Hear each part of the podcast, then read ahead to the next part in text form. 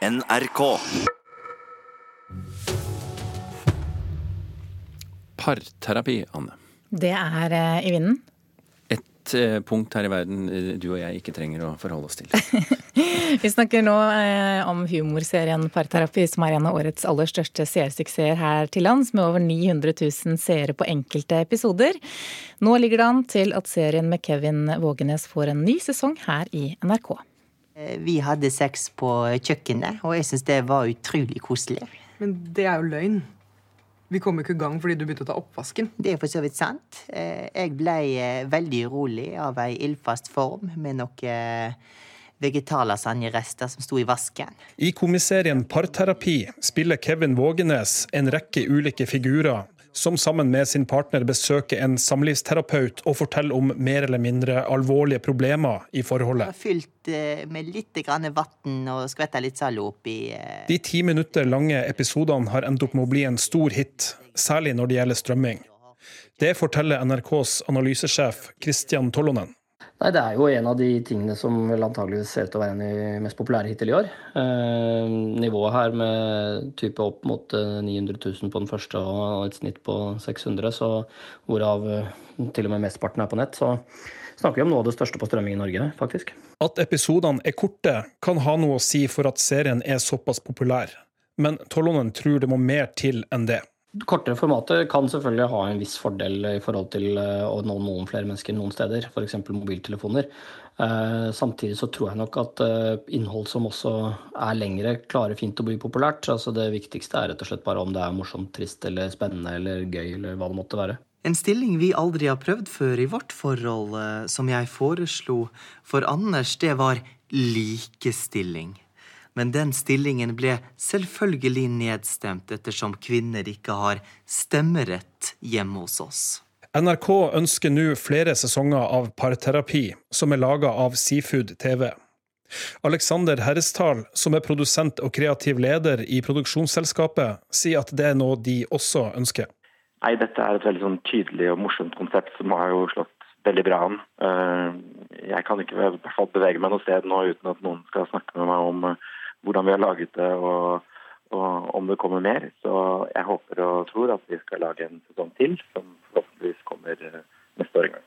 NRKs analysesjef Christian Tollonen er tydelig på at dette er en viktig serie for mediehuset. Altså Vi eh, konkurrerer som også våre kommersielle venner mot eh, verdens største og mektigste eh, strømmeselskaper, sånn som Netflix. Eh, Og selv om man ikke kan matche det volumet og størrelsen, så er det utrolig viktig at man har noe som fungerer på nett-TV også, og som treffer folk, og som gjør at de vet at det finnes tilbud også fra allmennkringkasteren. Og dette blir jo gjerne sett også av yngre mennesker. Så det er eh, svært viktig at man får slike suksesser. Og vet du hva han svarte? Sju år. Sju år! Jeg vil ha knekkebrød på skjeva.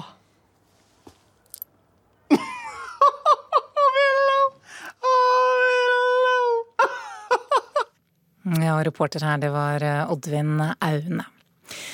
I dag er det førpremiere på dokumentarfilmen Munch i helvete. Dette er en film som forteller historien om hvordan Edvard Munch og kunsten hans har blitt behandlet her i landet. Maleren Edvard Munch. Tidlig beundret og anerkjent utenfor Norges grenser. Her hjemme skulle det ta tid. Selv etter sin død, og hele verden kjente hans navn, fikk han ikke som fortjent. Var Norge et for lite land for et stort geni? Ja, regissør Stig Andersen, god morgen og gratulerer. Jo takk, tusen takk. Eh, hvorvidt eh, han var et for stort geni for et lite land? Ja, det kan jo se sånn ut, vil jeg si. Ja, det var det jeg tenkte jeg skulle begynne å spørre deg om. Om han var for stor, rett og slett, for lille Norge. Ja, jeg tror at vi var en liten provins. Og det er klart at hvis du har en banebrytende kunst og fremmer den, så vil du møte motstand. Og i et lite land med få mennesker så er det ganske få som skjønner og kan akseptere dette. Det er mye lettere i et større samfunn som f.eks. Tyskland, der han fikk et stort land veldig tidlig. Hvorfor har du laget denne filmen? Ja, det kan jeg spørre om. Eh, Jeg begynte å jobbe på Munch-museet allerede som student. Eh, Og merket meg da fort uh, hvordan liksom hele Munch-museet ble drevet, og hvordan behandlingen, ikke minst fra Oslo kommune, var. da. Og dessverre jeg gravde i dette stoffet, dess verre ble det. Og til slutt da, så kunne jeg ikke brenne inne med det lenger, og så ble det altså en film av det. Og det ble verre og verre dess mer jeg gikk inn i stoffet. Ja, du må fortelle litt eh, om behandlingen han fikk. Eh, hva skal jeg si, hovedpunkt, Ikke høydepunktene, da, men det, det laveste og det lave. Nederpunktene, ja. tenker du? ja. jeg syns jo den uh, rivingen av Ekely, og ikke bare huset hans, men også to uh, fine atelier i tre, uh, fordi det liksom ikke skulle stå der, og huset så stygt ut, mente man. og Det syns jeg var ganske dårlig, for det kunne blitt faktisk det fineste kunsthjemprosjektet i Norge, og kanskje et av de beste i verden, hvis det hadde fått stått. Men det mest tarveligste og lille og smålige, det syns jeg er um, Han døde jo i 1944. Og det tok altså 16 år før hans uh, urne ble lagt i jorden. Uh, den sto altså på en hylle i et krematorium i alle disse årene, inntil Aftenposten begynte å etterlyse dette, og da kom det for dagen, og så ble han puttet i jorden. Det syns jeg liksom er så skjødesløst og dårlig at det går ikke an. Kulturbyråd i Oslo kommune, Rina Marianne Hansen, god morgen til deg også. God morgen. Hva syns du om det å stadig bli konfrontert med Oslo kommunes dårlige behandling av Edvard Munch? Det syns jeg på mange måter er helt på sin plass. Fordi vi har ikke en historie å være stolt av når det gjelder hvordan Oslo har forvalta den fantastiske gaven som Edvard Munch ga oss. Eh, det er jo helt enestående at en kunstner, en enkeltkunstner, har testamentert alt som står igjen etter seg, til en by som Oslo. Eh, og kanskje var vi ikke klare. Kanskje var man etter krigen ikke eh, beredt til å ta imot den gaven, faktisk. Eh, til å legge til rette for den, til å vise den og formidle den sånn som vi bør. Sånn at det er helt klart at Oslo har ingenting å være stolt over når det gjelder hvordan Munch ble behandla i den helt tidligste fasen, og et godt stykke etter sin død og fra vi overtok det. Så håper jo jeg at eh, jeg og vi klarer å gjøre det bedre i framtida. Eh, fordi det er jo klart, Edvard Munch er en fantastisk kunstner, men også det at vi har eh, nesten 30 000 kunstverk fra en enkeltkunstner som vi skal forvalte, er jo et vanvittig ansvar.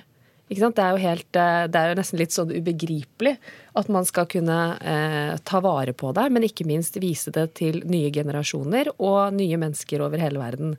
Så jeg håper jo at vi er, klarer å rette opp litt av det, den historiske feilen som har blitt gjort mot Edvard Munch. Ja, for det er jo verdens største gave som en enkeltkunstner har gitt offentligheten noensinne. Så det er jo, som du er inne på, uhåndterbart omtrent. Men likevel så burde du jo fått en annen skjebne enn det det hadde fått da. Mm. Men vi snakker, om, vi snakker, jo om det nå som om det er i gamle dager. altså Hvordan blir han behandlet akkurat i dag, eller det siste Nei, året? Man må vel nesten si at Munchmuseet har revitalisert seg. Og dette med at nå kommunen bygger Lambda, hvorvidt det er et soneoffer eller avlat for tidligere synder, det er det kanskje. Men det er jo fint, for da får han jo kanskje det flotteste og største enkeltmannsmuseet også i verden. da, Så det er, det er jo ikke lite bare det, da. Mm. Men er det nok? Ja, det må man vel kanskje si. Det er umulig å gjøre for gamle synder på annen måte, i hvert fall. Men Munch var jo veldig bevisst eh, sitt forhold til Norge selv. Han uttaler jo at eh, 'jeg er oppgitt over Norge', 'jeg flyr simpelthen i flint av sinne', sier han. Og han sier også at uh, nordmenn er veldig originale i sin pøbelaktighet, så han hadde jo nokså kraftig utsagn mot Norge, og spesielt Oslo kommune, da. Ja, hva måtte til da, for at folk her i landet og kommunen f.eks. For skulle forstå hvor stor Munch var? Oi, Det er et vanskelig spørsmål å svare på. Men det vi ser, er jo at før så var Munch-museet kanskje et sted du dro én gang i livet. Enten du var der med skolen, eller at du tok, dro dit når du hadde besøk fra USA. At det var litt sånn, e, en sånt eh, sted. Nå ser vi jo at Oslos befolkning kommer dit igjen og igjen. Mye av den store besøksveksten vi har hatt, er oss sjøl. Som handler om Mye av det handler om formidling uh, Munch-museet nå setter Munch i nye kontekster, sammenstilling med andre kunstnere, som gjør at også vi som på en måte føler at vi har sett uh, Munch fra vi var, født, uh, kan oppdage Munch på nye måter. Og jeg tenker at det nye Munch-museet i Bjørvika, det er jo på en måte viktig, men det er mest av alt så er det et startpunkt. Det er et startpunkt for å for å utvide vår forståelse av Munch enda mer. ikke sant? Det er et startpunkt for å se at det er mer enn bare Skrik og Madonna og vampyr og de ikoniske bildene, eh, og til å gå i dybden. Og det er en mulighet til å utvide den formidlinga som Oslo kommune skal drive med, til enda flere barn og unge, til enda flere nye innbyggere i byen, til enda flere tilreisende. Jo, men Det man kan si er at det først gikk opp for Oslo kommune i 2004, da det store ranet var, da det tok Skrik av Madonna. inn og Eh, hente, og hele egentlig. verdenspressen sto på tuppene. Og da tror jeg mange i kommunen tenkte ja, men jøss, en sjåsvær. Alle disse store amerikanske kanalene overalt, så var dette førstesidestoff. Og det tror jeg var en tankevekker, virkelig. Og etter det så kom jo plutselig masse penger på bordet, og så kom det plutselig en vitalisering, og så endte det jo med at man også fikk reist dette Lambda-bygget da. Du har dykket ned i Munchs eh, liv. Hva er det ved ham som gjør at han har så stor appell både her i Norge nå etter hvert, og også utenfor landets grenser? Fordi han forteller en historie om menneskene som eh, han ønsket å samle til det han kalte livsfrisen. Altså hvem er vi? Hvordan reagerer vi? Hvordan er vårt følelsesliv? Hvordan er vi underlagt natur? Disse tingene syns jeg han beskriver på en måte som ingen andre kunstnere jeg kjenner til. Og det er det som appellerer ikke bare til datiden, men kanskje enda mer til vår tid. Og kanskje ikke datiden var moden nok til å forstå dette. I dag er vi det. Så vær så god, se både filmen og gå på Munch-museet.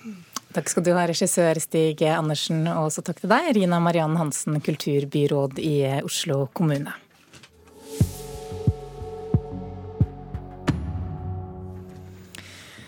NRK-profil Linda Eide har skrevet en teaterforestilling om sin egen mor. I helgen sto hun selv på scenen ved Hordaland teater og fremførte teksten, og vi skal høre litt fra forestillingen Oppdrag Motro her. Alt jeg skal fortelle nå, det har jeg funnet rett framfor øynene mine. Og der har det alltid vært. Jeg har bare ikke sett det. Jeg så det ikke før jeg begynte å ringe mor mi, som jeg kaller Motro. Og disse telefonsamtalene de har foregått slik. Jeg har sittet i leiligheten min i Bergen og tasta inn nummeret til Motro.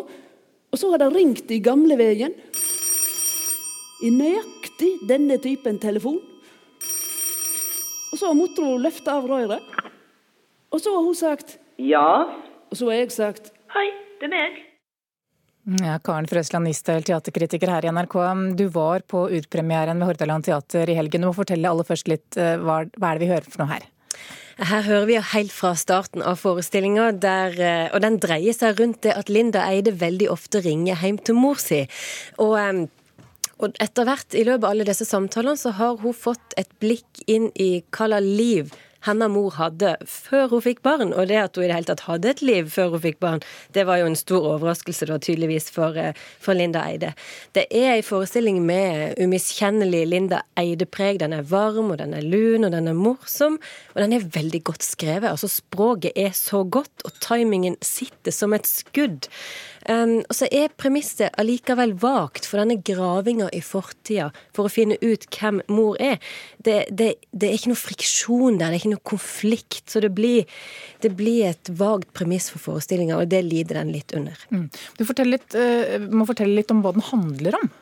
Ja, Hun gransker sin egen slekt og viser masse familiebilder på bakveggen og film fra da hun var liten, og det er jo veldig mye gjenkjennelig i dette her. Um, så ringer hun mora veldig ofte, og mora eh, spilles da av Liv Bernhoft Osa, men vi hører henne bare, sant. Og, og det, er så, det, er sånn typisk som, som, veldig mange gamle gjør, at de f.eks. legger på akkurat når de vil. Uh, så det er mye, mye morsomt og mye gøy her så er konklusjonen på et vis at gamle dager lever videre i nåtida. Og, den, og det handler om generasjonsforskjeller, bare en generasjon tilbake. Og det er som sagt fint, gøy og morsomt. Det er kjempegøy at Linda Eide kan, kan balansere ei hagerive på nesa mens hun spiller morgenstemning av Edvard Grieg på blokkfløyte. Alle ler jo veldig godt av det. Men igjen, altså, det er ikke noen konflikt her. Det er ikke noe som står på spill, og det er et premiss for teatret. Noe må dirre, sant. Og jeg tror det har å gjøre med at mora ikke står på scenen. Linda Eide gjør dette showet alene. Ja, hvordan ser det ut på scenen?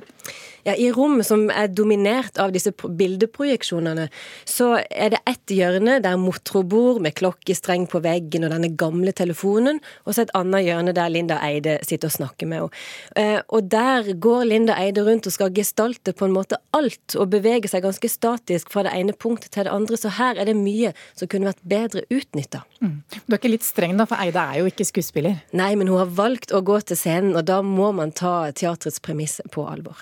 Takk skal du ha, Karen Frøsland Nystøl, teaterkritiker her i NRK, som altså hadde sett forestillingen 'Oppdrag Motro' ved Hordaland teater.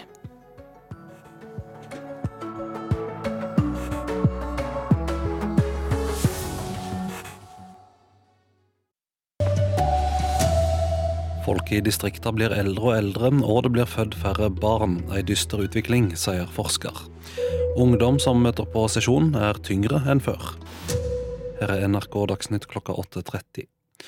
Det blir mange flere eldre og færre nyfødte barn i Distrikts-Norge de neste åra. Tall fra Statistisk sentralbyrå syner at mer enn én av tre kan være over 70 år i flere distriktskommuner i 2040. Forsker i SSB Astrid Syse forteller at utviklinga ser dyster ut. Det vi ser i våre fremskrivninger, er at det blir en nokså markant eldring en aldring av befolkninga, og den vil være særlig sterk på, i distriktene.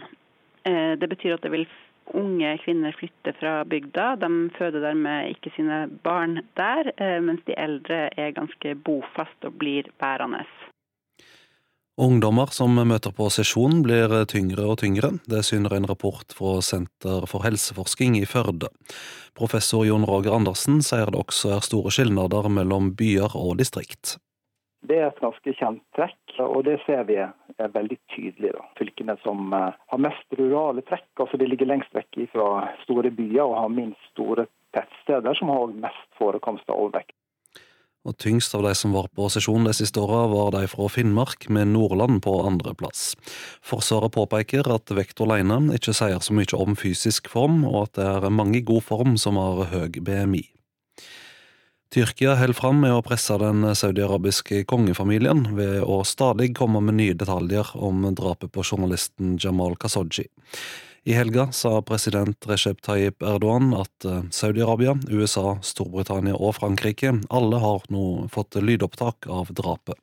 Det forteller korrespondent Sissel Wold. Det skal vise at drapet tok sju minutter, og at stemmene til drapsmennene høres godt. Og Det har vært mange lekkasjer om hva som har blitt sagt. Men det siste nå er at Al-Jazeera, som siterer en kilde fra en tyrkisk regjeringsavis, sier at det siste Khashoggi sa, var at jeg blir kvalt, ta denne posen bort fra ansiktet mitt, for jeg er klaustrofobisk. Det skal ha vært hans siste ord. Kjell Ingolf Ropstad får støtte av flest i Kristelig Folkeparti som ny partileder, syner en NRK-undersøking. Over 1600 i KrF har blitt spurt om hvem som bør leie partiet, og 61% har svart. Blant de som ønsket et samarbeid med venstresida, og som tapte avrøystinga på landsmøtet om retningsvalget til partiet, er tidligere stortingsrepresentant Hans Olav Syversen like populær som Ropstad. Syversen sjøl sier han ikke er kandidat til ledervervet. NRK Dagsnytt, Vidar Eidhammer.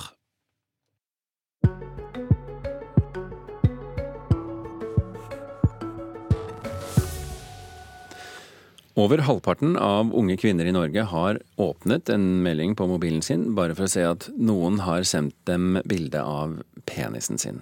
Og De får bildene fra unge menn de kjenner og ikke kjenner.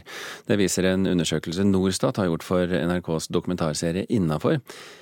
Ingen av kvinnene som har fått såkalte dickpics, svarer at de liker det. Ingen. Under Paradise så var det jo flere i uka. Flere i uka? Ja, det var mye. Uh, og nå får jeg kanskje sånn etter to i uka. Og det er ikke noen jeg har noen relasjon til.